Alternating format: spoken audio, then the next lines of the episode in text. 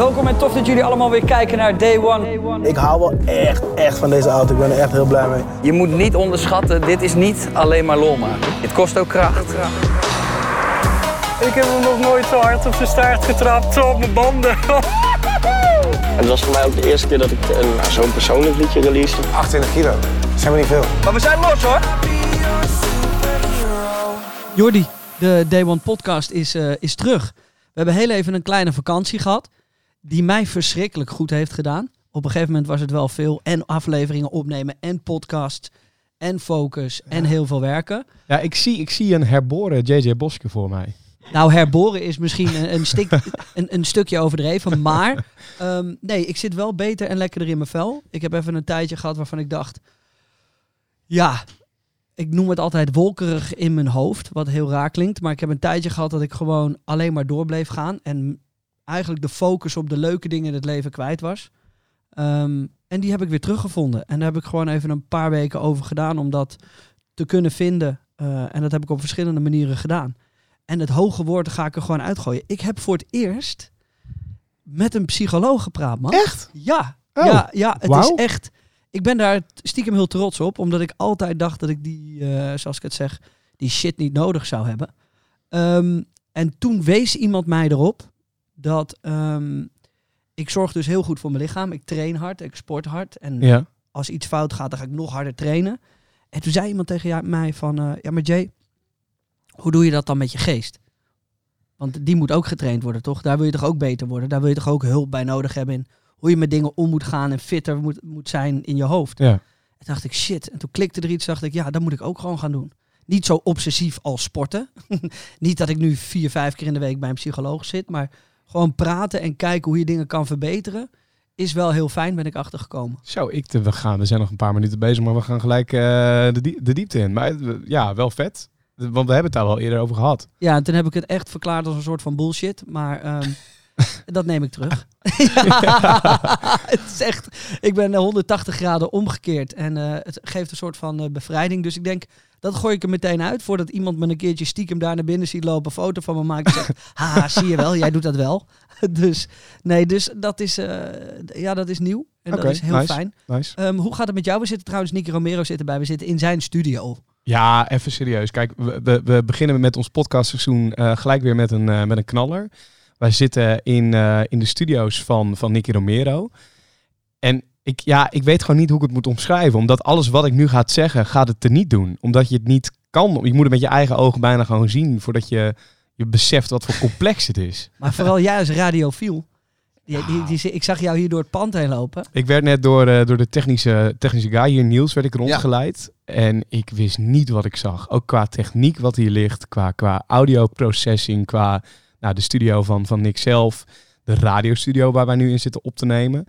Eh, dan zijn er nog iets van drie producer studio's. Eh, wat heb ik allemaal gezien? Eh, kun je, misschien kun je het beste zelf omschrijven wat, we, wat hier is allemaal. Ja, als allereerst eh, natuurlijk dank dat ik te gast mag zijn in jullie programma. Ik vind het heel leuk. Ik heb laatst, niet heel lang geleden, heb ik ook JJ nog even gezien. Dus het is voor mij wel leuk. Het begint een beetje als een huiskamer te voelen inmiddels. Ja. dus ehm superleuk. Nee, ja, en wat betreft de studio, ehm, het is een beetje geboren als een idee. Ik wilde heel graag wat voor mezelf maken, zodat ik een eigen ruimte had waar ik kon zitten en muziek kon maken. Een beetje kon afsluiten van de rest van de wereld. En dat is een beetje uit de hand gelopen, eerlijk gezegd. Eh, het begon met een studio voor mij en het was letterlijk een hoekpandje. Weet je, zo'n ja, zo'n zo'n industriepand, waar Ja. zo'n blok waar er honderd van worden neergezet. En ehm, dat is een beetje uit de hand gelopen naar eh, vijf, zes verschillende panden aan elkaar vast. En eh, inmiddels staan er vijf studio's, eh, waaronder inderdaad mijn eigen studio, de radiostudio. Of het zijn er zes, sorry, het zijn er zes. Eh, we hebben nog een live studio waar je dus instrumenten kunt opnemen, waar je kunt mixen, ehm, waar producers zitten. We hebben een bar.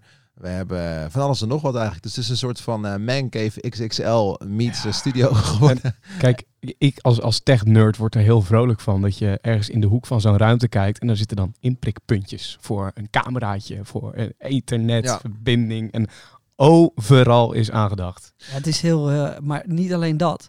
Want wij zitten nu in de radiostudio en voordat je in het pand door bent geleid, ben je zeker 20 minuten verder. Maar er staan ook motoren, auto's. Die heb ik nog niet eens gezien. Nee, ja, dan moeten we zo toch even gaan kijken. Het is echt niet normaal. We kunnen hier honderd jaar over blijven praten. Maar ik wil even, even een paar dingen van jullie weten.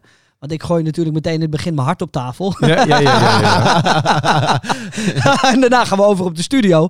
Ehm, hoe gaat het met jullie? Jordi, laten we eens met jou beginnen. Hoe is het leven? Ja, lekker eigenlijk wel. Eh, ik ben wel productief bezig. Een beetje hier en daar wat dingetjes aan het experimenteren. Ik heb Twitch uitgevonden de laatste tijd. aan het sporten. Aan het sporten ook nog steeds wel. Dat, dat zit er ook nog steeds wel lekker in. En, en ondanks alle misère in, eh, in de wereld op dit moment, eh, nou, eh, heb ik het gevoel dat ik er wel alles uithaal wat ik voor nu kan doen, zeg maar. En dat Twitch, waar moeten we je dan vinden? Gewoon Jordi Warnes kun je vinden. Ja, ik, wat ik dus heel tof vind, en ik denk dat we daar met Day One ook binnenkort gewoon eens naar moeten gaan kijken. Daar hebben we het daar ook wel over gehad, eh, eh, denk ik. Ehm, maar eh, er zit zo'n toffe community. Ik kan, kan Nick volgens mij ook over meepraten, want die, Ja. die zie ik ook wel geregeld op Twitch live. En het begon natuurlijk, Twitch is een platform waar je kan livestreamen. En dat begon als een, een echt gamersplatform, waar heel veel gamers gingen gamen en tegelijkertijd zichzelf filmen en, en dat streamen. Maar het begint langzamerhand steeds meer een plek te worden waar je ook gewoon een talkshow kan doen, waar je een podcast kan hosten, waar je gewoon lekker kan chatten met mensen die in de chat erbij zijn. En eh, Daniel Lippens, grote shout-out naar hem ook, is ook een, een radio-dj van 538 die dat bijvoorbeeld ook al heel goed doet al de laatste tijd.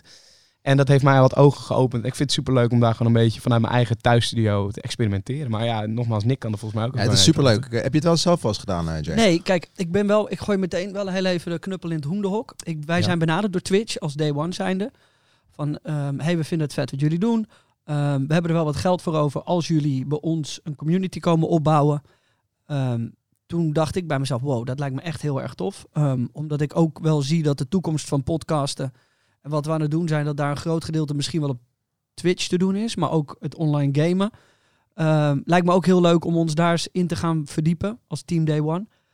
Maar ik weet ook dat je aan een verplicht aantal uren moet komen met dat soort dingen. Je kan niet Ja. zeggen, hey, ik doe even een half uurtje per week eh eh, livestreamen. Nou, het, het, het ligt iets genuanceerder, want eh, ehm, nou goed, het- wat Jordi net al vertelde, die heeft eh, zelf ook ervaring met Twitch. Daniel Lippens is ook, een voorbeeld die dat Mhm. heel goed doet. Het gaat er meer om dat mensen weten wanneer je live gaat, Ja. dan, dan de lengte. Het is niet zozeer van, oh je moet minimaal vier uur streamen. Het is wel zo dat het is voor mensen leuk om een beetje te kunnen binge-watchen, om het zo maar te zien. Dus als je een half uurtje live gaat, heeft het niet zoveel zin, want sommige mensen tunen wat later in. Ja. Sommige mensen gaan wat eerder weg. Dus je haalt ook een groter bereik als je langer streamt. Maar wat het vooral heel erg leuk maakt, vind ik, is je, je hebt een kanaal en in dat kanaal loopt een chat. En in die chat kun je een soort bot zetten die, gaat, die helpt eigenlijk om de chat op gang te houden. En dat genereert ook een soort van ehm, een, sfeertje of zo. Je hebt een Ja. aantal moderators. community gevoel. Ja, je Ja. hebt een aantal moderators en dat zijn mensen die je heel erg eh, voorzichtig moet, eh, uit moet kiezen. Mensen die je vertrouwt. En dat zijn in mijn geval ook gewoon mensen die kijken. Dus ik heb niet alleen vrienden die moderator zijn. En het leuke daarvan is, dat zijn mensen die zo loyaal zijn, die Ja. gewoon alles wat jij doet, dat, daar, daar helpen ze je bij. Het zijn Ja. een soort van linker en rechterhand Ja. tijdens je stream. En dat zorgt voor, en die hebben ook weer vrienden die naar de, naar de, naar de stream komen kijken. En zo bouw je een, een, een groep van mensen op met wie je continu bevriend raakt en, en, en samen spelletjes speelt. Ja, het is echt heel grappig. Ja, ja, en dat heb ik ook al in, twee, in, in een week tijd. Ik weet niet wat me overkwam, maar mensen wilden me hiermee helpen, wilden me daarmee helpen. Ja, die het is deden heel dit sick. voor je. Het is echt, eh, het is heel, heel tof platform. Dus gewoon, nou, ja, wellicht interessant om nog. Nee, super te interessant. Ik denk dat dat misschien wel de volgende fase van Day One is. Omdat ik, ik, ik, ik denk dat wij een iets meer volwassen eh, online community hebben dan de rest. Eh, ik denk dat we het leuk doen op Instagram. Eh, en dat we daar hele leuke dingen kunnen posten. Maar ik denk, de content die wij maken is echt geschikt voor eh, eh, YouTube. Maar misschien wel de volgende stap Twitch. Omdat we natuurlijk best wel heel lang podcasten. Het zijn best wel serieuze onderwerpen. Ehm, dat ik doe je vind de niet- doelgroep juist heel erg gemixt. En dat vind ik ook wel leuk. Want mijn buurjongens van 16, 17, Mhm. 18 kennen jou. Ja. Hè, en jullie programma's ook. Dus de, maar ook bijvoorbeeld vrienden uit mijn leeftijd. eh, Weet je, tussen de 25 en de 35 bij van spreken. Ja. Ja. Dus het is, het is heel erg gemixt. En dat is ook het, het krachtige, vind ik. Het, het, het, de onderwerpen die jullie aansnijden zijn heel erg breed. En die kan, daar kan iedereen zich heel ergens mee op eh affiliëren, zeg maar. Dus qua onderwerpen Ja. over bijvoorbeeld wat echt mannen dingen en echt eh, toffe of, of, of weet ik veel. Echt vrouwen dingen zie ik jou niet zo vaak doen. Jay, ik vind overigens je wenkbrauwen wel heel mooi gekamd. Oké, nu val ik door de mand. nee, maar dat is, dat is denk Heb ik je wel... daar een product voor? Nee, dit is... Tegenwoordig heb ik overal producten voor. En dan noemen ze me al te graag ook. ja. Ongegeneerd reclame maken. Nee, maar dat is... ehm, ja, ik denk dat is wat we doen. Maar ik vind het tegenwoordig ook bij Day One heel belangrijk dat we ehm, dingen leren. Dus een stukje ondernemen. Dus als we het over een auto hebben, dan wil je weten hoe duur die is natuurlijk. Maar je wil ook weten waarom. En je wil weten hoe je hem hebt verkregen. En dat doe je meestal niet zomaar, want daar zit Ja. een weg aan vooraf. En Ja, ik wil zeker. eigenlijk altijd dat we met Day One iets leren. Hetzelfde als in bijvoorbeeld deze podcast. Eh, uiteindelijk zullen we ergens terechtkomen waar we met jou gaan praten over wat je allemaal doet. Voor al dit slappe gelul. Eh, en dat is wanneer mensen hun knop aan kunnen zetten en echt kunnen gaan leren. En echt Ja. van de Ja, mensen waarmee wij praten, waar ze niet zomaar ineens mee in contact komen, ehm, kan je echt hele goede punten uithalen en gemotiveerd raken. Dus vandaar mijn volgende vraag. Wij zijn natuurlijk eh, nu in Twitch eh, gestapt en dan gaan we het misschien zo meteen nog even hebben. Jordi, vertel hoe het met hem gaat. Hoe kom jij deze tijden door? Hoe gaat het? Nou ja, het is een beetje, eh, een beetje gemixt voor mij. Het is aan de ene kant ontzettend lekker om niet continu in een vliegtuig te hoeven zitten of in een trein of in een andere tijdzone. Ik had eh, een tijdje geleden op mijn app gekeken dat ik iets van anderhalf jaar eh, van mijn leven in een vliegtuig heb gezeten. Ja, dat is, de, dat is natuurlijk eh, insane. Dus eh, als ik daarover nadenk en ik lig nu thuis eh, FIFA te spelen. Ik heb nu FIFA Ultimate Team uitgevonden. Dat is iets wat ik altijd vooraf schuwde en wat ik nu heel vet vind. Dus dat is heel erg leuk. En ik heb wat meer tijd voor mijn familie. En één keer zie ik wekelijks zie ik ook mijn oma weer en dat soort dingetjes. En dat heeft me wel doen realiseren, en dat is het positieve ervan, ehm, dat er meerdere dingen belangrijk zijn in je leven. En als je in die trein zit, van continu reizen, vliegen, en ik kom al die collega's kom ik tegen. Hè? Martin Garrix, die zie ik in Taipei. Armin, die zie ik in Vegas. En dan zie ik Tiesto, die zie ik weer eh, hier op Dance Valley. Ja. Of, eh, nou goed, inmiddels Hardwell, die is gestopt dan met, eh, met draaien, voorlopig, een sabbatical. Eh, maar die zie ik weer in de studio. En het leuke is dat, eh, ja, dat verbindt enorm. Maar het gekke is, mijn familie zag ik eigenlijk bijna nooit. En, en mijn vrienden, ik heb een aantal goede vrienden hier in de studio's werken, waaronder Niels, ja, de technische man. Die Ja. kende ik van Counter-Strike vroeger. En dat is nu een van mijn beste maatjes. En eh Adriaan en, eh en Jorik, die werken allemaal in het bedrijf. Maar mijn familie, eh, die bleef wel eens een beetje achter. En, en tijdens deze corona... ehm, tijden eh, merkte ik wel een beetje dat ik geforceerd werd om, om een beetje mezelf terug te vinden. Dus ik kan nu bijvoorbeeld ook rustig in bad een boek lezen. Nou, dat kon ik eerst nooit. Zo ben ik vanmorgen opgestaan. Ik heb gewoon een stuk eh, gelezen in een, eh, in een boek weer waar ik middenin zit. Welk boek is dat? ja, het heet ehm, Bonuskind. Van, ik weet even de schrijver, weet ik even niet, maar het is een blauw boek. Het heet dus Bonuskind. Ik zal het zo eens even opzoeken. Maar eh, ik zit midden in een verhaal. Ik zal niet te veel, eh, te veel spoilen, maar het gaat over iemand die eh, zijn moeder kwijt is en weet niet waar die is. Nou, daar hou ik even voor de rest ook even op. Maar ehm, het is gewoon heel erg leuk om een klein beetje jezelf te leren herontdekken. En dat moet ik zeggen, met heeft corona me wel toe geforceerd. Het negatieve en het, wat minder leuk is natuurlijk ook dat het ontzettend veel geld kost om niet te toeren. Want je hebt best wel een batterij aan een bedrijf opgebouwd met best Ja. wel veel mensen. En ik voel me ook enorm verantwoordelijk voor de mensen die hier werken. Eh, al zijn het allemaal getalenteerde mensen en volledig niet afhankelijk van alleen mij, maar zo voel ik het wel. En eh, het zijn niet mensen die ik graag gedag zou zeggen, omdat ik ze niet meer kan betalen, bij wijze van spreken. En dan kun je het privé allemaal goed geregeld hebben, maar zakelijk heb je natuurlijk ook een inkomstenstroom. En dat, dat pas je natuurlijk, eh, je uitgaven pas je aan op je inkomsten. Ja, en in zo'n jaar kost dat zo gruwelijk veel geld. Ja, dan eh, dat, dat, dat ja, is wel even spannend. Is dat, is dat iets waar je dan dagelijks nu mee loopt ook? Want het is natuurlijk best wel dubbel als je zo denkt, nou, vanochtend lig je in bad een boek te lezen, Ja. lekker chill. En dan kom je hier naar binnen en dan heb je toch nog, van die chillheid ga je misschien over in een stukje stress. Omdat je Ja. denkt bij jezelf, wauw, hoe gaan we dit volhouden? Want het stopt niet. Nee, maar die stress had ik dus vanmorgen niet. Eh, en waarom niet? Vandaag, maandag is voor mij persdag. Dan doe ik alle content, alle pers, alle foto's, alle interviews, alle... eh, en het leuke is, ik kom dan hier aan en dan zie ik weer, oh ja, ik heb weer eh, vandaag allemaal leuke dingen te doen. Eh, jullie zijn hier vandaag, dus dan kan ik me op best wel leuke dingen focussen ook. Alleen als ik hier bijvoorbeeld sta en er is niemand hier omdat iedereen thuis werkt. en ik heb letterlijk alleen Niels hier, die ook altijd op de zaak is eigenlijk. Want die, die, die helpt mij ook met het waarnemen van de zaak hier met de studio's. En produceert zelf ook. Dus we zitten eigenlijk altijd met z'n tweeën eigenlijk wel op de studio. Maar dan is het wel eens confronterend. Een leeg pand, alle lege plekken, geen shows. En dat is wel eens, eh, dat is wel spannend. En nou starten wij deze podcast best wel gelijk door de diepte in te gaan met, met Jay die, die opbiecht van joh, ik eh, ben met een psycholoog gaan praten. Ja, klapt het er gewoon uit. Ik heb nu al spijt. Nou ja, waarom? toch? Nee. Maar is dat dan ook iets wat, wat, wat eh, jij op een gegeven moment bent gaan doen? Of doe jij dat? Of...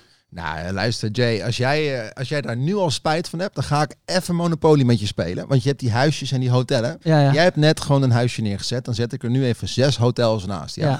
Ik heb in totaal eh, negen psychologen versle- versleten ongeveer. Ja. Eh, ik heb denk ik wel twaalf boeken gelezen. Eh, ik heb de Eckhart Tolle Power of Now eh, cursus gedaan. En ik heb eh eh, Buteco ademtherapie gedaan. Ik heb eh, weet ik veel wat. Ik heb holisten gezien. Eh, nou, ik denk dat ik echt letterlijk een boek kan schrijven aan ervaringen over hoe ik met mezelf moet omgaan en hoe ik met stress omga en dat soort dingen. Eh, dus nee, ik vind het eerlijk gezegd niet eens opbiechten. Ik vind het juist heel tof en ik denk dat mensen er heel veel aan hebben. Uh, dat jij iemand van jouw kant eh, laat zien van... hé, hey, luister, ik ben ook af en toe kwetsbaar. En ik, ik kan ook wel een beetje feedback gebruiken op mijn leven af en toe. Dus Ik vind dat dus heel moeilijk, hè? ja, maar aan de andere kant, waarom is dat moeilijk? Want het is toch iets juist... Ze zien jou allemaal als een bepaald persoon. Nou, ik denk dat, eh dat Jordi met zijn werk... eh, hiernaast eh, op de radio ook wel... eh, je hebt altijd mensen die naar je kijken, naar je luisteren. Maar je bent ook nog gewoon mens. En jij hebt weer je eigen problemen, weet je? En, en je eigen gedachten en je eigen manier van, van zijn. Dus ik denk dat het juist heel sterk is. Ik denk dat mensen daar heel veel aan hebben. Ja, maar dat is iets wat ik... Kijk, ehm, als ik dan... ik kreeg gisteren een, een, een appje van mijn manager. En die zei, ja, dan ga je dan naar de psycholoog. En toen dacht ik... ik En jij niet- voelt alsof je ziek bent of je ja, zwak man, bent. dat. Ja, heel Ja, ja, maar- ja. ja. d- Het voelt alsof ik een soort zwakte laat zien en dat ik ziek ben en dat er iets met me mis is. Terwijl dat is niet de gedachte met. Als jij nou heel hard sport, hè? Ja. Jij zegt net dat je af en toe nog harder gaat sporten. Ja, Neem je wel eens een massage? Eh, ja, Vind je dat normaal? ja. Stel nou voor je bent aan het werk. Je bent keihard aan het werk elke dag. En zie dan zo'n psycholoog als een massage. Zou je het dan raar vinden? Nee, helemaal niet. Maar dat is ook waar ik dus nu naartoe aan het werken ben. Ja. Is dat ik dat, dat moet accepteren. Precies. En dat is iets waar ik, eh, waar, waar ik gewoon heel lang eh, over na heb gedacht. En nu is het zover. En dan ga je daar toch eh, Tegen verzetten. tegen verzetten of zo. Omdat dat jarenlang erin is geslepen dat Ja. je iets niet nodig hebt. Of dat je denkt dat je het niet nodig hebt. En dan voelt het als iets heel geks. En eigenlijk is het heel normaal. En Of je bent zo ver gegroeid in je carrière dat je op dit moment een stukje feedback van de ander kan gebruiken. Want je bent naar de finish geraced en je bent er voorbij gegaan in een, in een godsnelheid. En op dit moment heb je iemand nodig die even vertelt van... hey, oh joh, maar eh, gaat alles nog goed? Ja. Ik bedoel, eh, een speler als Ronaldo of Messi... denk je dat die niet eh, allemaal mensen in dienst hebben... of mensen zien die ervoor zorgen dat ze kunnen blijven steren, presteren op dat niveau? Die hebben een heel leger aan mensen, mentaal, fysiek... die hen helpen met te kunnen blijven presteren op dit niveau. Ja, en dat is iets waar ik, waar ik dan ook nog heel even gewoon aan moet wennen, denk ik. En het is iets waar... ehm, kijk, het voelt nu, als ik het kan omschrijven... het voelt alsof ik een zwembad in ben gedoken... ehm, en altijd alleen maar met mijn armen naar de overkant ben gezwommen. Ja. En nu kom ik erachter Dat je ook benen hebt. dat ik ook benen heb, man. Ja, dat is een beetje. En dat ik denk, oh shit, dit gaat veel sneller. Ik word veel, snel, veel minder snel moe. En de, de slag is anders. En alles gaat gewoon... Ik kom er wel ook met die twee armen, geen enkel probleem. ja, ja. Maar dit is wel een stukje makkelijker. En dat is hoe ik er nu over na aan het denken ben. Het is gewoon ehm, een soort van je arsenaal van wat je al hebt. ja. Eh, dus je bent al tot op de tand toe gewapend. En je weet al dat je best wel eh, wat kan. Ja, het is nu gewoon eh, nog meer jezelf bewapenen voor iets voor, waar je straks in de toekomst heel veel aan hebt. En dat is iets wat ik heel lekker vind nu. En dat merk ik. Dus ik word er ook heel vrolijk van. Ik word een beter mens. Ja, ja, ja. Hetzelfde als wat jij net zegt. Ehm, ik ben nu beter met mijn familie. Ja. Eh, ik, ik ga echt naar huis. Ik ga met mijn zusje eten. Ik ga bij mijn ouders eten. We praten. Ik, Spelletjes spelen. ja, ja, letterlijk. Ik gooi gewoon alles op tafel. En ik ga er, me daar niet meer voor schamen. Ik ga Nee. gewoon, ik gooi mijn gevoel, mijn alles, mijn hebben en houden gooi ik op tafel.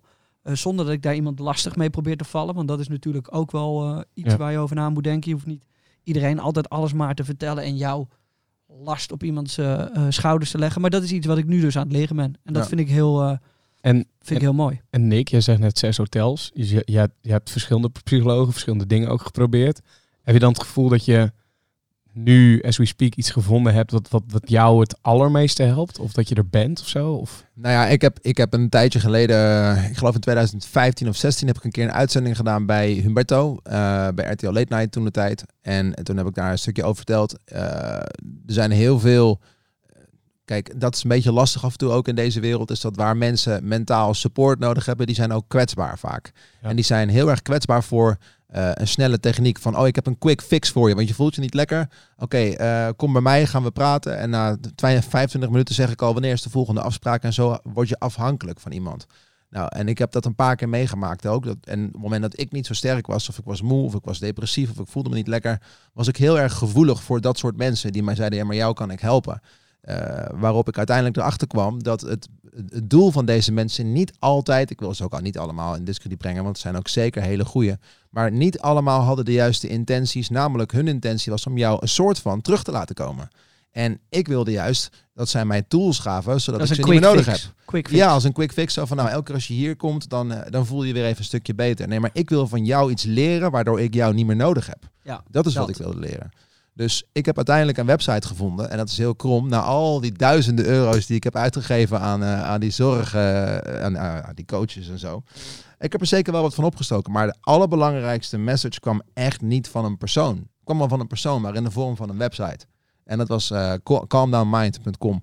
En het was een, een gratis website. Ziet er ook uit als een WordPress. Iemand die dat in zijn hobby even gemaakt heeft. En eh, een of andere gast uit India. En die schrijft dingen dat je denkt, nou het is zweverig. Nee, helemaal niet. Het is heel erg to the point. Het is heel zo erg to the point dat je denkt, nou hoe kan ik de obvious niet gemist hebben?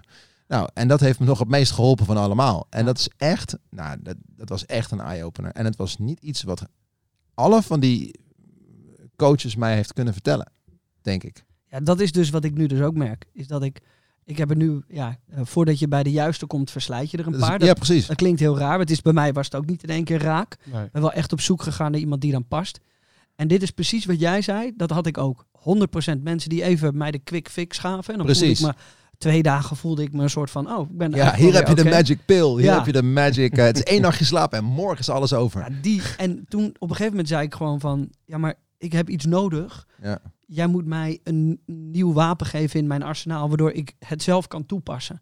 Want anders gaat dit niet werken. Want ik kan hier niet drie keer per week terug blijven komen. Nee. Zo werkt het gewoon niet. Nee. Nou, dan kom je erachter en dan kom je iemand tegen en die is gewoon heel duidelijk. En, ehm, en, en ik denk ook dat, eh, zoals wij hier zitten en met het werk dat wij doen, denk ik dat je soms ook eh, sociaal en psychologisch best wel heel sterk bent, omdat je met Ja. heel veel mensen werkt. Je ziet heel veel, je hebt heel veel meegemaakt, je praat heel veel.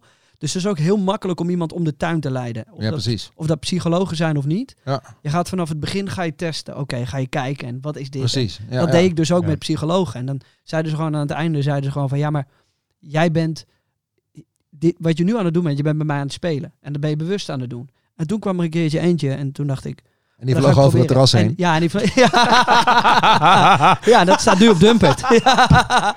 Maar dat is... Hij de- maakt hem gewoon. ja, natuurlijk. Maar dat is ook de humor. Maar ik bedoel, kom je er eentje tegen en die, en die laat jou over het terras heen vliegen. Ja, precies. Ja. En die laat jou over het terras heen vliegen. En dan denk je bij jezelf, shit, dit is hem wel. Of d- zij, Ehm, het is een vrouw. En, Ja. en is dat dan ook, eh, komt dat dan ook een beetje weg van wat, wat ik bijvoorbeeld heb? Ik heb nog nooit met een psycholoog gepraat, maar ben het de laatste tijd ook in mijn hoofd aan het, aan het malen. En aan het Mhm. nadenken van, goh, misschien moet ik dat toch eens doen.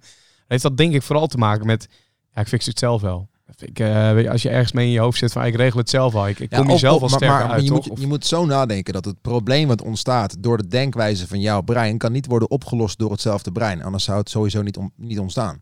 Dus eh, het de bedenken. Dat. Ja, je Echt kunt, dat. je Ja. kunt niet het probleem oplossen met hetzelfde brein die het veroorzaakt heeft.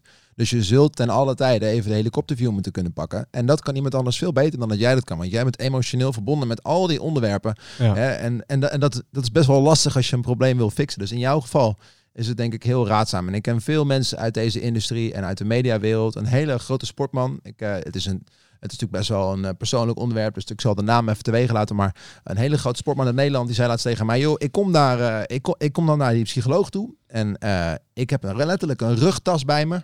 Met allemaal problemen en zooien waarmee ik in mijn hoofd zit. Ik zet hem bij haar neer. Zo van baf. En nu is het jouw probleem. En dan hebben we het erover gehad. Voor mijn gevoel laat ik die tas daar liggen. En ga Ja. ik met vijf kilo minder ga ik weg. Ja, dat is wel echt een lekker gevoel. En dat is wat, wat het kan veroorzaken. En, en zijn er dan andere dingen die ehm, naast het, het, het af en toe naar een psycholoog gaan, daar ook aan bijdragen? Eh, Je bedoel, je hebt, je hebt mediteren, waar, waar we het ook wel een aantal keren over gehad hebben in de podcast. Misschien andere rituelen die ervoor zorgen Ja. dat, je, dat je even net wat beter de dag begint of net wat beter de dag eindigt. Nou ja, ik ben, eh, wat Nicky ook doet. Ehm, ik kan gewoon in bad zitten nu. En dan ga ik lezen. En dan ga ik gewoon... eh, ik zorg gewoon dat ik daar Gear. blijf zitten. Ja, ik gewoon... eh, ja, ja, nee, nee, maar echt van alles. Nee, nee, nee. Maar dat is echt... Ik, dat kan van de, de voetbal eh, international tot... eh, hele boeken. Maakt allemaal geen reet uit. En dan ga ik gewoon lezen. En dan die focus om gewoon even die telefoon weg te leggen. Niet de hele tijd bezig zijn met werk. Focus in wat je aan het doen bent. Ik moet wel iets doen. Ik kan niet in bad liggen en vooruitkijken. Want dan word ik gek. Want mijn hoofd blijft malen en gaan. Ja, ja. En, en dat is iets wat ik ook heb uitgevonden. Dat was eerder dan de psycholoog. Ehm, en dat helpt mij ook. En voor de rest gewoon echt, wat we net ook zeggen, tijd nemen voor mezelf. Niet altijd alleen maar met anderen en met andere dingen bezig zijn. Gewoon voor mezelf. Gewoon zorgen dat ik goed in mijn vel zit. Want ik merk dat als ik, als ik dus goed in mijn vel zit, dan eh, hebben de mensen het om mij heen ook een stukje makkelijker. Eh, en ik denk dat dat misschien wel het aller, de allergrootste winst is die ik heb gepakt nu. Is dat ik dacht, oké, als ik mezelf niet goed voel, dan eh, is de rest oké. Maar wat ik dus om me heen merkte, is dat als ik mezelf niet goed voel, dan voelt de rest ook dat ik me niet goed voel. En dan gaat alles eigenlijk een stukje minder. Domino-effect krijg je dan. Ja, Ja. dat. En dat had ik helemaal niet in de gaten. Ik dacht gewoon, als ik blijf beuken en ik ga gewoon door tot op het bittere eind. Eh, ik heb zelfs gedacht, en dat ga ik echt opbiechten hier ook. Ik heb zelfs gedacht, ik blijf gewoon zo hard werken tot ik een burn-out krijg. En dan kan ik daarna lekker chillen. dat dacht ik echt. Maar ik krijg hem niet. Ik krijg hem gewoon niet. Ik krijg hem niet omdat ik heel Omdat je gewoon niet hard genoeg werkt. Dat is eigenlijk wat je zegt. Ja. nee, maar omdat ik gewoon heel content ben met wat ik doe. Ik word dus elke ochtend happy wakker, man. Ja. Elke ochtend ben ik heel mooi. blij. Heel blij met wat ik doe. Het is ook per persoon verschillend. De Ja. ene is gevoeliger ervoor dan de andere. Precies. De ene heeft er eh, sneller last van. En het heeft ook niks te maken met een zwakte. Het heeft denk ik meer te maken met hoe gevoelig je bent. Je hebt een soort van antenne. Hoe gevoelig is die antenne? Ik Ja. ken ook mensen die werken zich kapot en die krijgen het niet. Ik ken ook mensen die hebben eh, bijvoorbeeld een moeder die in mijn, bij de straat woont. Die heeft twee kindjes, die heeft geen werk en die krijgt het ook. Dat wil niet Ja. zeggen dat zij eh, een minder gewapend persoon is dan ik, maar wel misschien dat ze gevoeliger is dan ik of dan Ja, jij. en voor bepaalde dingen Precies, is. juist. Want Ja. het kan zo zijn dat als ik straks twee kinderen heb, dat die ineens wel komt. Snap je? Dus er is van alles wat het kan veroorzaken. En Helemaal ik- als ze op jou gaan lijken natuurlijk. ja, ja. ja, dan, eh, dan blijf ik mijn hele leven één grote Ja, ja, burn-out hebben. Hey, maar maar heb, jij, heb jij een moment gekend waarin je echt dacht bij jezelf... Fuck man, dit, ik ben nu rock bottom. Of ik ben nu, ik ben nu op een punt waar, waarbij ik echt even aan de rem moet trekken. Echt Ja. even...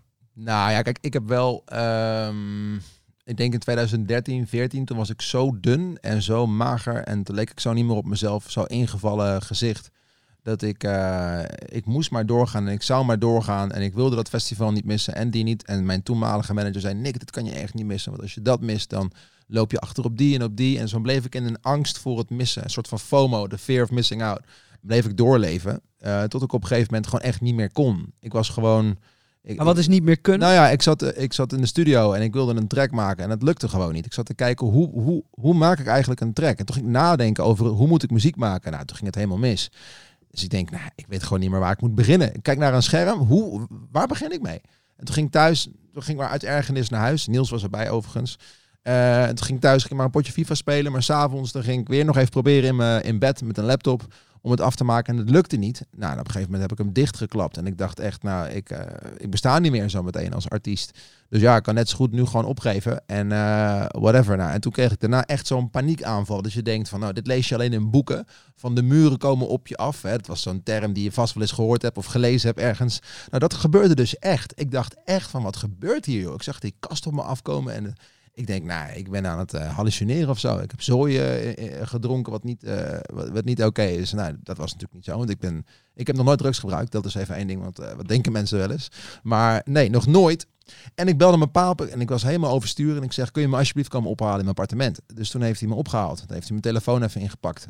Of, of afgepakt. Zei hij, twee weken blijf je maar even thuis. En toen ben ik twee weken lang bij mijn ouders gebleven. Met geen enkele prikkel. En toen besefte ik me wel dat het wel veel, veel te ver gegaan was. Ja, maar jouw prikkels zijn ook super extreem, man.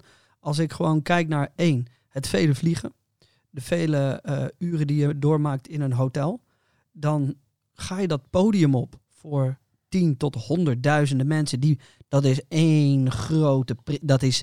Dat, dat- ik heb wel eens, ja, ik sta wel eens daarnaast bij artiesten en dan denk ik maar die come down hiervan dat je hebt dat je bent gaan optreden en dat je dan backstage staat en dat dat gevoel Ja. die, dat dat is elke keer een keer op keer op keer op keer Gigantische kick gewoon. gigantische kick waar je ook weer een soort van eh, ja je krijgt ook een come down dat heb je ook bijvoorbeeld als je een pre-workout neemt dan kan je heel hard crashen dat gevoel heb je een Ja. beetje je denkt fuck dan heb je ook nog de nachten dus die zijn doorbroken Ja. Dat is, dat is toch onmenselijk?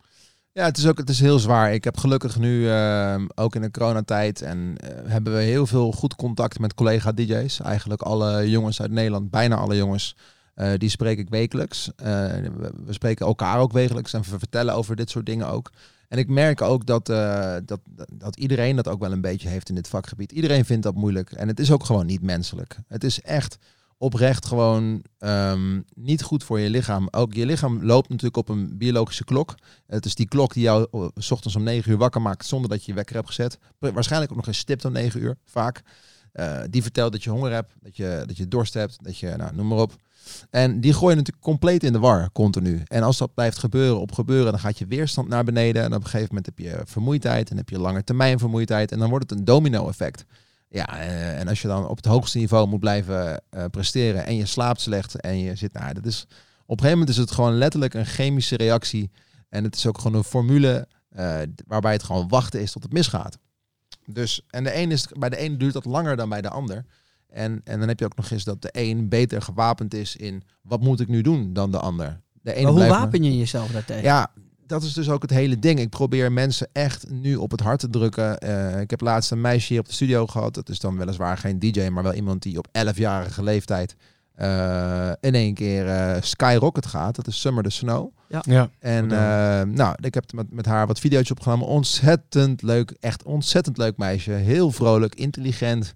Vindt alles leuk. Ehm, is, ja, is, Kan goed voetballen. kan goed voetballen. En dan zie ik het dan denk ik echt, oké, ik ga eh, mijn best doen om haar wat te kunnen bijbrengen op een manier waarop ik denk en hoop dat ze dat snapt. En ook geprobeerd om haar ouders te vertellen van, yo, dit is wat ik heb meegemaakt. Hopelijk hebben jullie er wat aan. En als jullie eh, iets van mij willen weten, ik deel het graag met jullie. Want ik zou het best wel moeilijk vinden om te weten dat er iemand met die leeftijd al zoveel prikkels kan ontvangen. Ja. Ja, eh, ik had het op mijn zeventiende al wel zwaar. Laat staan als je elf bent en je hebt die aandacht. Dat, is- ja. En, en denk jij dat straks als deze corona-periode voorbij is, hè, die, die ervoor gezorgd heeft dat heel veel mensen geforceerd moesten stoppen met dat, dat prikkelige leven. Denk jij dat, dat het zometeen gewoon weer, pam, 180 km per uur weer dezelfde kant op gaat als het weer kan? Nou, dat is leuk. t- Toevallig heb ik dit gesprek gehad eh, met een eh, collega. Maar er is dus geen. Zometeen, kijk, alle bedrijven die nu podiums bouwen, bijvoorbeeld, hè, die, die geluid verhuren, die licht verhuren.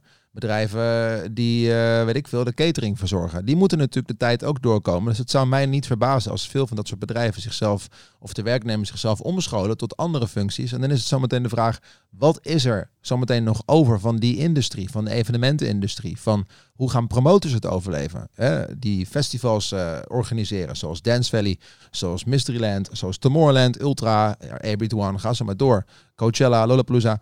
Al dat soort bedrijven die kunnen blijven bestaan omdat ze elk jaar weer nieuwe evenementen hebben. Maar als je dat een jaar of laat staan twee jaar niet hebt, hoe kun je dan nog dat bedrijf door laten lopen? En dat is de vraag zo meteen. Als het zo meteen als we naar buiten komen en dat mag weer, wat bestaat er dan nog? En zijn jullie er dan ook mee bezig, als je het er zo over hebt, om ja, daar een soort van, ja, ik wil niet zeggen oplossing voor te vinden, maar om je daarop voor te bereiden misschien? Nou, ik, kijk, ik zeg dit natuurlijk nu uit de meest neutrale positie mogelijk. Maar wat mijn eigen mening is, kijk, ik, ik, ik kijk er gewoon heel erg optimistisch naar. En ik heb zoiets van, ja, weet je, als, als zometeen in het begin er een aantal bedrijven niet zijn, ja, dan gaan we wel weer, dan komen er wel weer jongens met nieuwe ideeën. Of, of, of dames die het op een andere manier gaan invullen. Ja. Waarbij het langzaam weer eh, gaat beginnen. Dan heb je altijd weer die ene partij zegt, die zegt, oké jongens, wij hebben het voor elkaar. En bam, dan krijg je weer zo'n sneeuwbaleffect. Waarbij het in een kortst mogelijke tijd omslaat van bijna niks naar een hype. En als je in die hype zit en je zit mee op die golf, dan kun je daar ook weer van profiteren. Dus ja, het wordt, het wordt wel even anders, denk ik. Maar ik, ik ben er zullen ook een hoop mensen zijn die die golf niet meer gaan vinden. Dat denk ik ook. Ja, ja, Ja. want je, ja, ik bedoel, een voetballer die een jaar... Kijk eens naar Arjen Robben. Vind ik een heel goed voorbeeld. Dat is echt, wat mij betreft, de grootste held. Een van de grootste helden uit het Nederlands elftal ooit.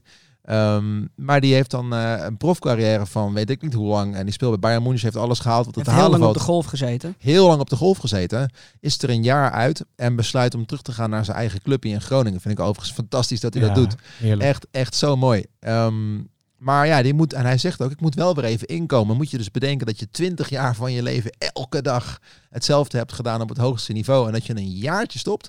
En dat je dan weer die golf moet vinden. Ja, die golf, dat duurt even. Dat duurt en, even. En, en de, de, de twijfel van of je die golf nog gaat vinden, Ja. dat is misschien nog wel meer funest dan de golf zelf echt vinden. Precies. En het mooiste vond ik van zijn verhaal, want ik, ik hoorde een klein stukje uit zijn interview dat hij zei, ja, ik stond ergens eh, bij de, in de buurt van de 16, maar ik wist ik kon de afstand niet zo goed inschatten. Sta ik nou dichtbij genoeg of niet bij die goal om te schieten of af te geven? En je ziet aan alles dat die man alle techniek heeft, hoe die loopt, hoe die schiet, hoe die beweegt, hoe die kijkt. Maar toch hoor je een man die dan zegt, ja, ik wist niet of ik dichtbij gesto- eh, genoeg stond om die bal te schieten in een interview. En dat ik denk, die man heeft 20 jaar lang niet anders gedaan dan dat. En dat deed hij op gevoel. Ja. Maar hij zit nu niet in diezelfde flow, dus dat moet weer bouwen. En dat zei hij ook, dat moet groeien. Nou, dat is precies wat jij zegt. Ja. Gaat dat terugkomen en hoe? Ja, en dat is het. Hey, ehm, we, eh, even voor de mensen die aan het luisteren zijn. Wij zijn hier bij jou op de zaak. eh, zoals je al zei aan het begin. Ehm, wat is de zaak? Wat, hoe ziet de zaak eruit? Hoe, hoe, hoe is het opgebouwd? Want ik zie studio's. Ik, we kennen natuurlijk je muziekcarrière.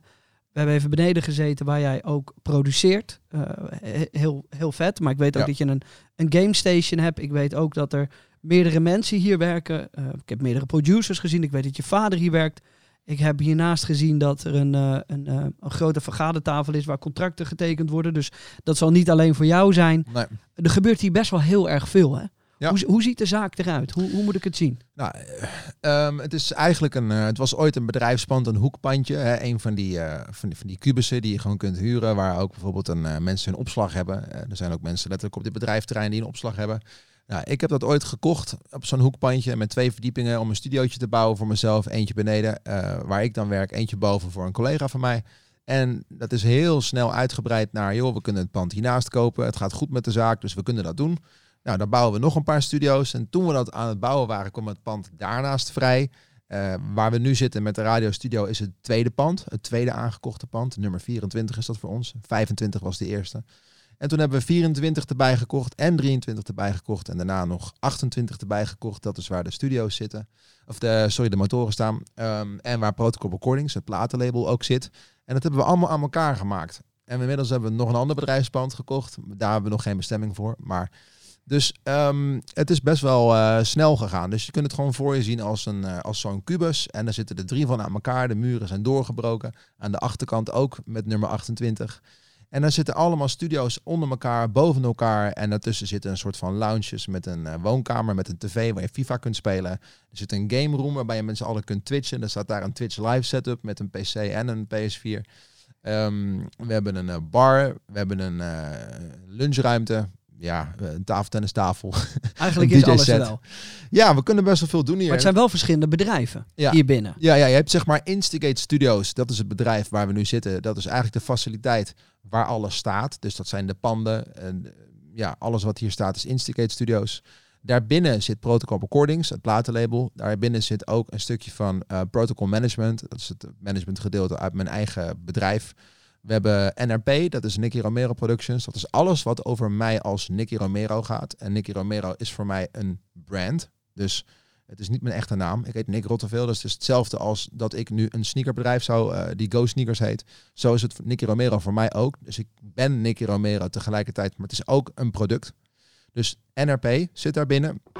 Protocol Radio, dat is ons eigen radioprogramma. Dat doen we in de studio waar we nu zitten. Waar we expres geen branding doen hier met radio, wat echt letterlijk vaststaat. Want hier worden ook andere programma's opgenomen. We doen hier wel eens voor 538 bijvoorbeeld de Global Dance Chart of, of Dance Department. Ehm, met Slam zijn we nu bezig om een, een programma vanaf hier live te doen. Dus we doen hier van alles. Eh, we hebben hier jongens werken die bijvoorbeeld muziek maken. Rolf Sanchez nu, hebben een aantal singles hier gedaan. Eh Glennis Grace en Jim voor een eh, heel ernstig ziek eh, jongetje. Nou, die eh, hebben we ook beneden opgenomen. Frasi werkt hier, die de track Tigers heeft gedaan met, eh, met Bilo. Ehm, ja, er komt hier van alles binnen. En het leuke is, ik raak door iedereen geïnspireerd. Van de week zag ik hier een gezicht en hey, die ken ik. Dat was eh, van Gio. Ken je die nog van vroeger? Ja, ja, ja. ja. Ja, die was Ja. hier een nieuwe plaat te opnemen. Ja, dat vind ik superleuk, want ik word door iedereen geïnspireerd. En elke dag staan er weer andere mensen. En zitten er andere mensen in die studio's. En kan ik binnenlopen en denk, wauw, tof. Dit, eh, dit wil ik ook. Voor de jonge ondernemers, hè? Voor, de, voor de mensen die, die zich nog niet zo erg bezighouden met die, met die, met die zakenwereld. Eh, je noemt iets van vier, vijf verschillende bedrijven nu, denk ik. Waarom zijn het verschillende bedrijven? Waarom is het bijvoorbeeld niet alleen maar Nicky, eh, Nicky Romero BV? Omdat, ehm, nou, sowieso de, de ondernemers, die zullen, de meeste mensen die een eigen zaak hebben, zullen waarschijnlijk hier het antwoord ook wel op weten. Het is sowieso zakelijk gezien beter om dat te scheiden. Als een van mijn bedrijven een geschil krijgt met iemand, om wat voor reden dan ook, en die zou mij ergens voor aanklagen. Gelukkig gebeurt dat niet zo vaak, maar eh, met de rechten van muziek heb je dat wel eens. Hè? Dan zeggen ze, joh, jouw liedje lijkt te veel op die en die. Ik heb een keer gehad die zegt, nou, dat liedje met Avicii, eh, wij vinden dat we daar recht op hebben. Ja, dan wil je niet dat Instigate Studios leidt onder het feit dat Nicky Romero Productions BV een rechtszaak zou hebben. En dat geldt hetzelfde voor radio. Stel dat radio een claim krijgt, dan wil je niet dat Nicky Romero daardoor geraakt wordt. Dus dat zijn verschillende ja, BV's onder een holding. En eh, die holding die, eh, ja, die wil je eigenlijk zoveel mogelijk onschendbaar laten. Zodat niet je verschillende bedrijven te lijden hebben onder mekaars fouten of onder mekaars geschillen. En is er dan iemand binnen deze hele organisatie die daar het overzicht over houdt? Of met, of met, met iemand waarmee je dat vooral doet, zeg maar? Dat allemaal creëren en maken? Ja, ja ik heb, mijn mijn vader is heel erg betrokken. Ehm, en die, eh, die doet eigenlijk het meeste. En heb ik daarnaast heb ik een financiële man, Hans, Hans Hageman, die helpt mij met eigenlijk alles. Die man weet ook van alles. Die, die adviseert mij in alles. Ehm, en hebben nog een andere financiële man, Jan heet die. Jan de man die alles kan. Is ook een hele goede centrale verdediger met zavelbal. Maar daarnaast ehm, doet hij dat fantastisch. Dus ik heb gelukkig wel de juiste mensen die me adviseren om dit, eh, om dit goed te doen. En, Hoe is- oh, sorry. Hoe is dat om met je vader dan eh, eh, samen te werken? Want dit is, in die fase zit ik ook een beetje dat ik denk, ik wil mijn pa toch wat meer bij dingen betrekken, omdat het ook Ja, vertrouwelijk is. En ja precies. die mannen hebben er toch net iets meer verstand van dan wij over de jaren, denk ik. En het nog belangrijker, die mensen hebben geen belang anders dan dat het goed gaat met jou. Ja. Als het goed is. Ja, dat is, ja, zeker. Dat Ja. is het. Dat is het allerfijnst. Ik bedoel, je, de reden waarom ik heel graag met mijn vader werk, eh, eigenlijk alle jongens die hier in het bedrijf werken, vertrouw ik wel. En de jongens die het meest dichtbij me staan, die ik het langst ken, eh, die zijn inmiddels ook, en die hebben best wel lang al hun best gedaan om mij te helpen in goede en slechte tijden. Dus die heb ik ook een aandeel gegeven in de zaak, hè, in verschillende zaken, zoals Niels, die, eh, die runt de studio's. Nou, die, is, die doet dat fantastisch. Eh, die doet dat met heel veel passie ook. Dus ik heb gezegd, nou, ik zou dit eigenlijk, dit avontuur samen met jou willen aangaan. Dus ik zou jou heel graag een, een percentage willen geven van Instigate Studios. Zodat hij daar ook een klein beetje ziel eh, in kwijt kan. En datzelfde geldt voor Jorik, voor Protocol Recordings, voor Platenlabel. Doet dat al vanaf dag één, al zeven jaar. Dus, ehm, en zo probeer ik dat een beetje te doen. En met mijn vader is het gewoon een bijzondere band. Omdat ik weet dat hij ten alle tijden mijn belang bovenaan zet. En ja, het is ook wel eens moeilijk, want je moet met je vader gesprekken als een functioneringsgesprek voeren. Of over zijn salaris praten. Ja, eh, wat gun je je vader? Ik bedoel, wat ik mijn vader per maand gun, kan ik niet op één blaadje kwijt qua nullen. Nee. Dus, eh, maar ja, je moet wel een oplossing vinden die werkt zakelijk, en, maar ook emotioneel. Ehm, over die nullen gesproken. J- jij bent iemand die denk ik vanaf vrij vroege leeftijd heel veel geld ging verdienen. Correct me if I'm wrong. Maar daar, daar zit natuurlijk nou, best een groot gevaar in. Want weet je, gelijk wat je met dat geld moet, ga je daar niet eh, verkeerde dingen mee doen. Ben jij iemand die daar vanaf het begin af aan heel, ver- heel verstandig mee om kon gaan? Of, of heeft het je toch wel verrast of zo op een verkeerde Nou ja, manier? Nee, ja, op zich ging het wel goed. Behalve, ja, ik heb één keer wel echt mijn les geleerd. Ehm, toen ik mijn eerste Audi A3 kocht. Toen heb ik letterlijk die Audi kunnen kopen. Maar ik had niet genoeg geld meer om benzine te betalen. Dus die heeft toen eh, een week lang op mijn oprit gestaan zonder benzine. dus toen leerde ik wel dat die, die auto is leuk. Maar je moet eigenlijk... Je moet 20% altijd meer hebben dan hetgene wat je uit wil geven om er überhaupt van te kunnen genieten. Als iets kapot gaat, in dit geval van auto's bijvoorbeeld. Dus nee, ik heb die les wel geleerd. En ehm, ja, ik denk, ik denk dat ik wel redelijk verstandig ben met mijn inkomsten en uitgaven. Ik doe niet hele gekke dingen. Ik ken collega's. Ik zal geen namen noemen, maar die, eh, Mag. ja, ja, die auto na auto kopen en nog een auto en nog een huis en nog gekker en nog meer horloges. Maar ik heb gewoon gezegd, ik ga eerst deze studio's bouwen. En eh, mijn huis is ook veel minder waard dan, deze, dan het studiocomplex. Er zit ook veel minder geld in dan het studiocomplex.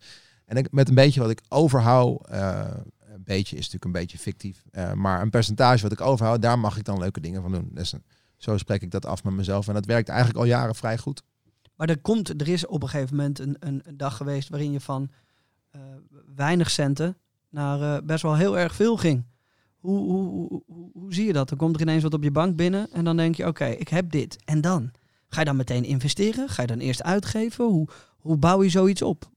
Ja, ik weet wel nog dat ik voor het eerst, eh, vroeger kreeg je, kreeg je van de bank kreeg je van die afschriften elke maand. Ik weet niet of je dat nog weet. Ja. Had je zo'n boekje, of zo'n pennymaat, zo'n ding waar je geld in kan sparen.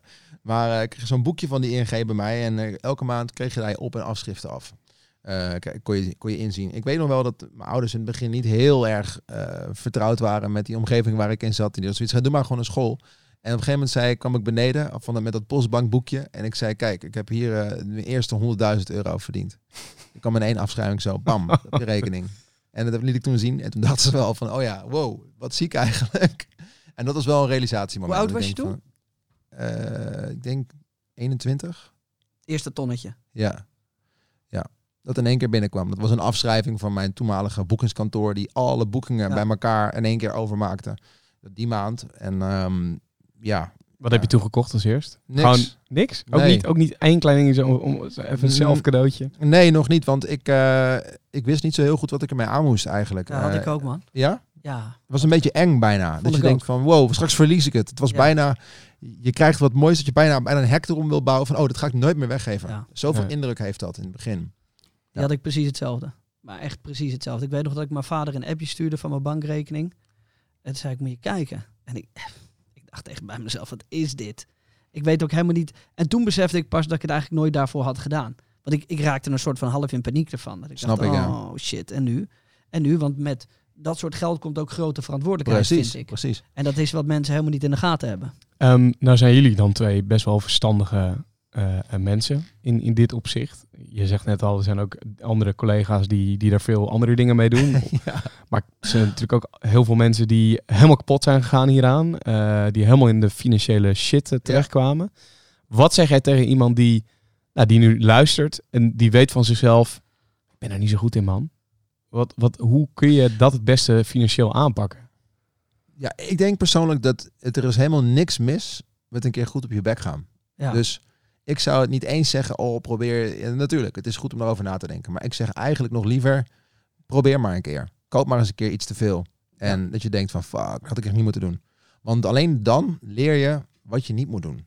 Dus het is hetzelfde als dat je in de praktijk je, je, je auto-examen heel goed kunt leren eh, uit een boekje. Maar als je het moet gaan doen en je maakt dan een fout, dan schrik je je kapot. Want zat er in één keer een fietser naast je en je hebt bijna op je neus gezeten. Alleen dan leer je, dit ga ik niet meer doen. Ja, dat had ik precies hetzelfde. Echt precies hetzelfde. Ik heb daarna heb ik er toch een hoop met, met een hoop eh, dingen, of met dat geld een hoop dingen gedaan. En daar zaten een paar niet super goede beslissingen tussen. Gelukkig ben ik wel. Doe, altijd- doe even je slechtste tussendoor, JJ. Ik bedoel, kom op, gooi even je allerslechtste beslissing op tafel dan. Ja, daar ben ik wel benieuwd. Oh, ehm, Gewoon eentje die in je opkomt anders. nou ja, ik, nou ja, e- eentje die in me opkwam was dat ik hou altijd van kwaliteit. Dus wij werken eigenlijk met de duurste dingen. Ehm, en dat bedoel ik van, van, van eh, eh, laptops tot camera's. En ik dacht gewoon bij mezelf, wij moeten met kwaliteit werken, jongens. Wij moeten gewoon, wij zijn day one, wij moeten met kwaliteit werken. Maar er zijn een hoop dingen die dezelfde kwaliteit hebben, die een, een beetje minder kosten. En je kan nog steeds hetzelfde eruit halen. En toen kocht ik eigenlijk gewoon meteen, ja, wat was het, eh, vijf, zes eh, Macs en nieuwe camera's en dit en dat en alles tegelijk. Maar als ik heel, en ik ben daar heel impulsief in, als ik dan ga kijken, dan koop ik het meteen en denk ik, fuck it, want we moeten door. Maar als We ik, moeten door. we moeten door. En als ik ietsje rustiger had gekeken en ietsje meer om me heen had gevraagd aan mensen van wat hebben we echt nodig, dan had me dat eh, eh, tienduizenden euro's kunnen besparen Mm. in, in, in gewoon heel even nadenken. Wat hebben we echt nodig? Wat is Ja. er? Ehm, wat, ik ben heel impulsief qua dat soort dingen. Dus dan denk ik, we doen het gewoon. En dan doen we het. En dan een week later zegt iedereen, ja, het is hartstikke mooi. Maar we hadden ook met een stukje minder, hadden we precies hetzelfde resultaat gehad. Hadden misschien minder mooi uitgezien als het op je kantoor staat. Maar hadden we hetzelfde resultaat gehad. En daar baalde ik wel van. Want toen dacht ik, ja, dat is kut. Want als het dezelfde kwaliteit is, je haalt er hetzelfde uit. Maar je betaalt er minder voor. Ja, dan vind ik dat heel zonde. En eh, ja, man, eh, de, gewoon eh, vastgoed. Gewoon meteen, eh, hop, alles erin. En dan denk je, week daarna denk je, oh ja, maar ik moet ook nog belasting. Ik moet ook nog... De McDonald's hier in Veenendaal is gewoon van JJ Bosker. Niemand weet dat, hè? nee, maar die, ja, ik heb wel 80 van dat soort fouten gemaakt. En ik denk dat ik nu op 34-jarige leeftijd pas een beetje daar echt mee om kan gaan. Maar het voelt nog steeds niet normaal hoor. Dus- Oh, ik ben wel blij dat het op 34, eh, 34e leeftijd nog kan. Want ik ben 25 en ik denk soms, oh mijn god. Ja? Nou ja, ik heb een periode gehad, vorig jaar was dat, waarbij ik eh, eh, als MC op pad ging. Mhm. En met Chris Deluxe, ook een DJ. Nou, dat zijn hele andere bedragen eh, dan waar Nicky Romero over praat. Maar dat zijn alsnog lekker extraatjes in de maand. Als je vier, vijf boekingen per maand doet, nou, dan komt er ineens een sloot extra geld iedere maand op je rekening terecht. Ja. Waarvan je denkt van, Wat moet ik oh, daarmee? dat is lekker. Eh, Kan ik oh, even een Twitch setup van halen natuurlijk. Nou ja, of ik, of ik kan dit even doen, of ik kan dat even Ja. doen. En ik had dan... even- sorry dat ik je stoor. Ik had dus vorige week bijna een heel simrace ding gekocht, hè? Echt? Voor 25.000 euro. Had dat nou gewoon gedaan? Had Nee, ik niet nee, het verhaal nee. gehad. Precies. Die- ja, weet ik, dan was dit verhaal geweest. Sorry dat ik je stoor. Nee, maar ja, dan realiseer ik me later pas bij de belastingaangifte. Oh ja, de helft. Dat kan ik afdragen. Want ja, ik werk ook 40 uur. Ik heb een 40 uur contract. Ja. Ja, ik heb heel veel voordelen niet. En dus kan ik gewoon de helft Ja. ook weer, eh, weer, weer afdragen. Dat is eh, Heb voor de vakantie van koning Willy natuurlijk. Ja, precies. Ja, Griekenland. ja, ja, ja, ja. Maar weet je wat het is met dat financiën? Ik heb daar nu, en dat duurde ook heel lang, want dat vergeten mensen ook wel eens. Ik heb nu dus mensen gevonden die dat fantastisch voor mij doen. Maar voordat je de juiste mensen hebt gevonden om iets voor je te kunnen doen, die weg is ook nog best wel Nou, moeilijk. daar ben ik ook wel benieuwd naar. Want hoe, hoe lang heeft het voor jou gekost, Nick, om, om de mensen te, te vinden die je nu hebt, zeg maar? Waar, waar waarvan je weet, ik, ik kan ze 100% vertrouwen en ze leveren werk. Eh, even kijken of ik de vraagstelling snap. Nog één keer. Nou, hoe lang duurt het voordat jij het perfecte team hebt? Zoals je dat nu hebt, zeg maar. Dat je echt weet wie je kan vertrouwen. Die je Ja, echt... kijk, eh, ik denk dat eh, ik, ik sprak toevallig eh, van de week eh verder, verder Legrand, die zei ook hoe moeilijk het blijft om goede mensen om je heen te vinden. Ik ken ook andere ondernemers die, dat, die er ook echt moeite mee hebben. Ik denk dat ik ontzettend geluk heb gehad met de mensen die ik hier in dit bedrijf heb kunnen verzamelen. En dat, dat komt niet eens omdat ik ze allemaal heb uitgekozen, eerlijk gezegd. Want hoe het hier is gegaan, is het gewoon ik heb twee vrienden die werken in de zaak. Eh Jorik die kent iemand en die zegt: hey man, ik weet iemand die heel goed eh, is in video-editing van mijn oude school. En die vertrouw ik. Eh, kan die komende week komen solliciteren? En hij heeft dan een vertrouwensband met hem. En die persoon komt op een gegeven moment in het bedrijf en die zegt: hey, ik weet wel iemand die goed is in camerawerk, die, die kan fotograferen. Zal ik hem meenemen? Nou, en zo heeft iedereen die ehm, in het bedrijf komt werken iemand aangedragen. Dus het is een soort van sneeuwbaleffect geweest. Waarbij goede mensen andere goede mensen aan boord brachten. Dus ik heb het eigenlijk niet eens allemaal zelf hoeven doen. Ik heb eigenlijk maar drie mensen in de zaak gebracht. En die mensen hebben weer andere goede mensen aangedragen. En dat vind ik ook het, eigenlijk super tof om te vertellen. Dat het, het, heeft, ja, het heeft niet altijd te maken met de juiste mensen zelf hoeven vinden. Nee. Je vindt twee mensen die je vertrouwt, die je goed vindt. En je bent ook weer een beetje afhankelijk van wat is hun netwerk. Misschien kennen zij wel weer mensen van hun school, van hun omgeving, van hun werk die goed zijn. En zo groeit je bedrijf eh, naar een niveau dat je alleen maar goede mensen in dienst hebt. Ik geloof niet dat in dit bedrijf dat ik mensen in dienst heb die niet het hart op de juiste plek hebben. Of die niet 110% ervoor gaan. En dat is wel heel mooi. Zo, dan vliegt hier ineens een, een koninginnenwesp voorbij eh, uit het niets. Was het echt een wesp? Ja, dat was echt... Meen je dat? Ja.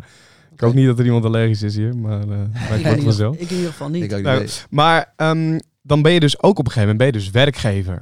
En, en is er een moment geweest dat je dacht van... Oh ja, shit, ik ben nu werkgever. Ik moet in één keer Ja, functioneringsgesprekken. Ja, gaan voeren. ja. Ik moet ineens mensen ontslaan als het echt Ja, nodig ja, is en ja. anders kan. Ja, nee, ja. Ik doe dat soort dingen eigenlijk niet zo heel veel. Mijn vader doet het gelukkig. Het, eh, die is, is, is ook op, de, op papier algemeen directeur. Dus ehm, nee, ik, ik heb wel heel veel feedback met mijn pa natuurlijk. En ik praat veel met hem. En ik, het liefst praat ik ook met mensen direct zelf op de vloer.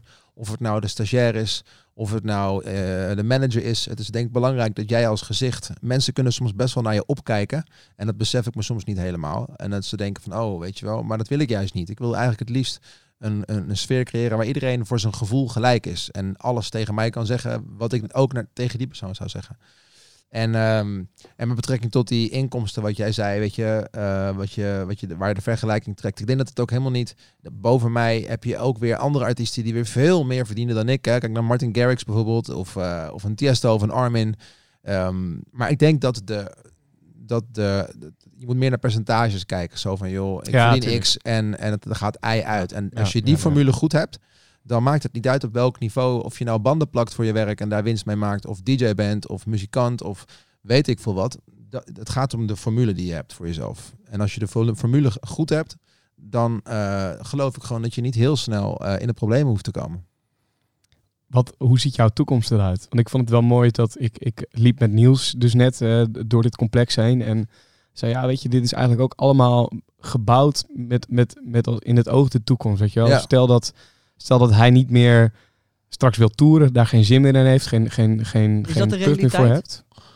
Is dat een realiteit dat je misschien geen zin meer hebt om te toeren? Nou, nee, ik zou. Kijk, op een gegeven moment denk ik wel. Het is nu nog niet het geval. Alhoewel, nu kan ik niet toeren. Maar ehm, er komt een tijd dat je misschien wel wil stoppen met toeren. Ja, dat ik wel klaar ben en dat ik hopelijk eh, tegen die tijd een gezinnetje heb of zo. Dus eh, die tijd gaat een keer komen, hoop ik. En dan is het lekker om niet meer afhankelijk te zijn van een vliegtuig. Dus, eh, dus koop je een eigen vliegtuig. Nee, dat is Daar is die andere loods voor. Ja. natuurlijk. Ja, dat is gewoon over, over, over Nee, nee, nee. uitgaves die nodig zijn gesproken. Juist, ja. Laat ik ook even één ding zeggen. Er is niemand, geen enkele artiest die ik ken, eh, die echt een eigen vliegtuig heeft gekocht. Iedereen die met zo'n ding vliegt, die, die koopt gewoon een aantal uren en die, kan, Ja, en die huurt zo'n vliegtuig. Ja. Er zijn wel eens mensen die zeggen, oh, maar heb je dan je eigen vliegtuig gekocht? Eh, de meeste van ons doen dat niet. Er is er geloof ik één die dat wel gedaan heeft, een rapper geloof ik. Eh, laatst, ik kan even niet op zijn naam komen, maar die heeft hem in ieder geval zelf een gekocht. Was het niet Maluma? Volgens mij was het Maluma. Ja, En het is natuurlijk ook nog zo dat jullie nou het grootste deel van de, van de vluchten gewoon met lijnvluchten doen, toch? Ja, ja, nou ja, intercontinentaal vaak wel. Dus Ja. eh, naar Azië of naar Amerika, want dat is niet op te brengen. Als je naar Vegas moet met een privéjet, ben je gewoon 150.000 euro kwijt. Dat, ja. Er zijn, je- ook daar zijn weer collega's die dat gedaan hebben. Nee. ja, echt. En terug. Ja? Ja, ja, die zijn er echt. Eh, maar daar heb je ook weer een groter vliegtuig voor nodig. Nee, ik doe alleen een privéjet wanneer je echt een aantal shows achter elkaar hebt. Je moet snel van A naar B. En vooral de eilanden, eh, de, de Ibiza's, de Mykonos, de Ios, de weet ik veel, eh eh, Sicilië. Gewoon alle moeilijk bereikbare plekken waarbij je heel veel overstappen hebt. Daar pak je wel eens een jet. Want dat is, anders dan ben je zoveel tijd kwijt. En je reist met z'n vijven. En dan telkens keer vijf vliegtickets. Soms is het zelfs goedkoper om met privé te vliegen dan. Wat- is het, het gekste dat je hebt meegemaakt tijdens toeren? Wat, wat is één verhaal waarvan je denkt van, nou, dit, dat blijft me nog steeds bij. Ehm, Er is, iets, er, is, er is iets in jouw leven geweest waarvan jij dacht... Een moment waarop je stond en dacht bij jezelf... Maar dit... Hè? Hoe Nee. Ik hier dit alles... Te, huh? Dat je dacht, nou, Ja. dit is absurd. Als ik dit aan mensen moet gaan vertellen, Ja. dan geloven ze het niet.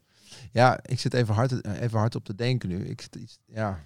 Het is een beetje alsof je, eh, je zoekt een, een kabeltje in een, eh, in een box van eh 5 bij 5 die vol zit met kabels. Ja. Dat is een beetje wat je me nu vraagt. Eh, ik heb zoveel dingen meegemaakt. Ze lopen allemaal door elkaar dat ik het soms best wel lastig vind.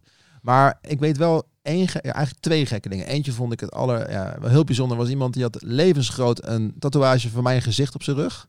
Deze shirt uit. Die had een tatoeage van mijn gezicht op zijn rug. Met mijn naam My eronder. God. Dat je echt denkt, daar krijg je spijt van. Ik bedoel, eh, ik word ook ouder, zometeen lijk ik niet eens meer. Wat heb je dan op je rug? Dus, eh, en daarnaast was ook een keer ehm, een situatie, dat was mijn allereerste show in de Marquee, Las Vegas, een club. Waarbij de eigenaar zei, eh, het was echt in 2013, dat was mijn allereerste residence in, in Vegas, waar ik dan weken of maandelijks mocht terugkomen.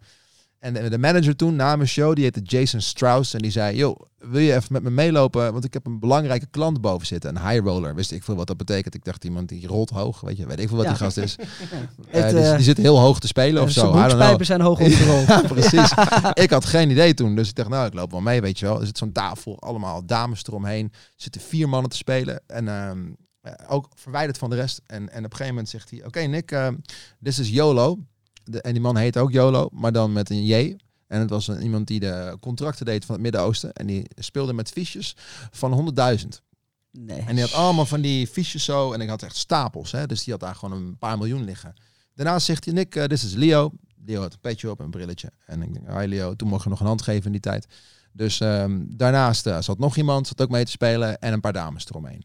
Dus ik denk, nou, het spel heette Baccarat. Ik weet niet of je dat kent. Nee. Nee. Ja, ik was er ook niet goed in, ook niet bekend mee. Dus hij zegt, eh, eh, Nick, eh, these guys want you to play with them. Dus ik zeg, oké, maar ik I've never played the game, weet je wel. It doesn't matter. Dus Leo zegt, kom naast me zitten. Dus hij zegt, I'm gonna give you a few of my coins. De 100.000, 100.000, 100.000. Oh my god. Wat de fuck moet ik daarmee doen, weet je? Ga ik nu echt iemand anders zijn geld Rennen? tafel leggen? Rennen. Ja, mag ik één zo'n fiche houden? Dan heb ik meer verdiend dan dat ik dat heb gedaan. Ja. Dus hij zegt, no, no, just follow me. Dus ik speel en zo. En ik heb, nou, denk een uurtje zo daar gezeten. We hebben wat winst, wat verlies. En op een gegeven moment dacht ik, waar, waar, waar- wat ben ik nou eigenlijk aan het doen? Op een gegeven moment, die Leo doet even zijn bril af. Ik denk, ik ken die guy, man. Dus ik kijk zo mijn manager aan, Sander toen de tijd, mijn ex-manager. Dus ik zeg zo, ik zeg, wie is dat joh? Ik ken hem. Dus op een gegeven moment had ik een baardje. En op een gegeven moment, eh, oké, thanks guys, eh, nice meeting you. En hij doet zo zijn pet af om, om, om zijn haar even te doen. Was het Leonardo DiCaprio? Nee. Heb ik gewoon heel laat mee gespeeld en ik heb het niet doorgehad. Aardig gozer? Hij was heel aardig. Maar ik denk ook dat hij het door had dat ik hem niet herkende, waardoor Nee. hij zich veel makkelijker... En, en hoeveel van zijn geld heb je verspeeld? Nou, we hebben redelijk kiet gespeeld. Ik had geloof ik, eh, ik had zes coins verloren en ik had er zeven gewonnen. Dus uiteindelijk had ik, eh, ik geloof een ton winst. Gewoon een slappe ton. Ja. een slappe ton even zo op de avond. Ja, maar het was niet dat ik dat deed hoor. Ik moet gelijk eerlijk bij zeggen dat hij zei, je moet wel niet, niet inzetten. Ik deed alleen Ja, de handeling. Ik was een soort van de transactie. Meer was ik niet. Maar is dat, De geldautomaat. is dat dan als je dan wegloopt dat je nog even wat, wat toeschuiven? Of, eh, Nee, nee, nee, nee, nee. En eerlijk gezegd eh, had ik daar ook helemaal eh, niet dus echt bij stilgestaan. Het was, Nee. Ik had zoveel indruk op dat moment van wat daar gebeurde. Eh, Een foto durfde ik ook niet te vragen. Eh, Sander wel, maar hij zei het liever niet. ja. dus Leuk dat je manager dat nog even ja, vraagt. toch? ja, voor zichzelf, hè? Ja, niet voor mij. is Hè? Dat is nog het meest dat dacht ik al. Dat is echt, nou ja, dan weten we waarom het de ex-manager is. Ehm, maar dat is, de- de- er is toch op een gegeven moment een moment, en dat is waar Jordi natuurlijk ook eh, eh, naartoe gaat met zijn vraag, is er is een moment dat je gaat zeggen, dit was het man. Dit, eh, ja, hoe, wat dan? Weet je wel, hoe lang gaat dat nog duren? Waar ga je heen? Ben je daarop voorbereid? Is het iets waar je mentaal in je hoofd al zit? Ehm, nee, want ik, ik heb zoiets als, als zolang ik het leuk vind, blijf ik het gewoon doen. Ja. Ik moet even kijken hoe het voelt zo meteen. Wanneer ik klaar ben met, met alle muziek produceren, wanneer corona over is. En kijken hoe ik er dan in zit. Ik moet een paar shows gaan om te kijken hoe het voelt. Ik ga denk ik niet meer op het niveau eh toeren dat ik alleen maar in een vliegtuig zit en nog drie jaar aan mijn leven toevoeg aan de KLM-app. eh, aan mijn Ja. aantal kilometers. eh dus daar zit ik niet zozeer op te wachten. Maar ik zou wel heel graag willen blijven toeren. En gewoon de shows doen die ik leuk vind om te doen. En ik zou dan misschien tussen de zes en de acht willen doen. En niet tussen de tien en de twintig. Is je dat het dat- echt?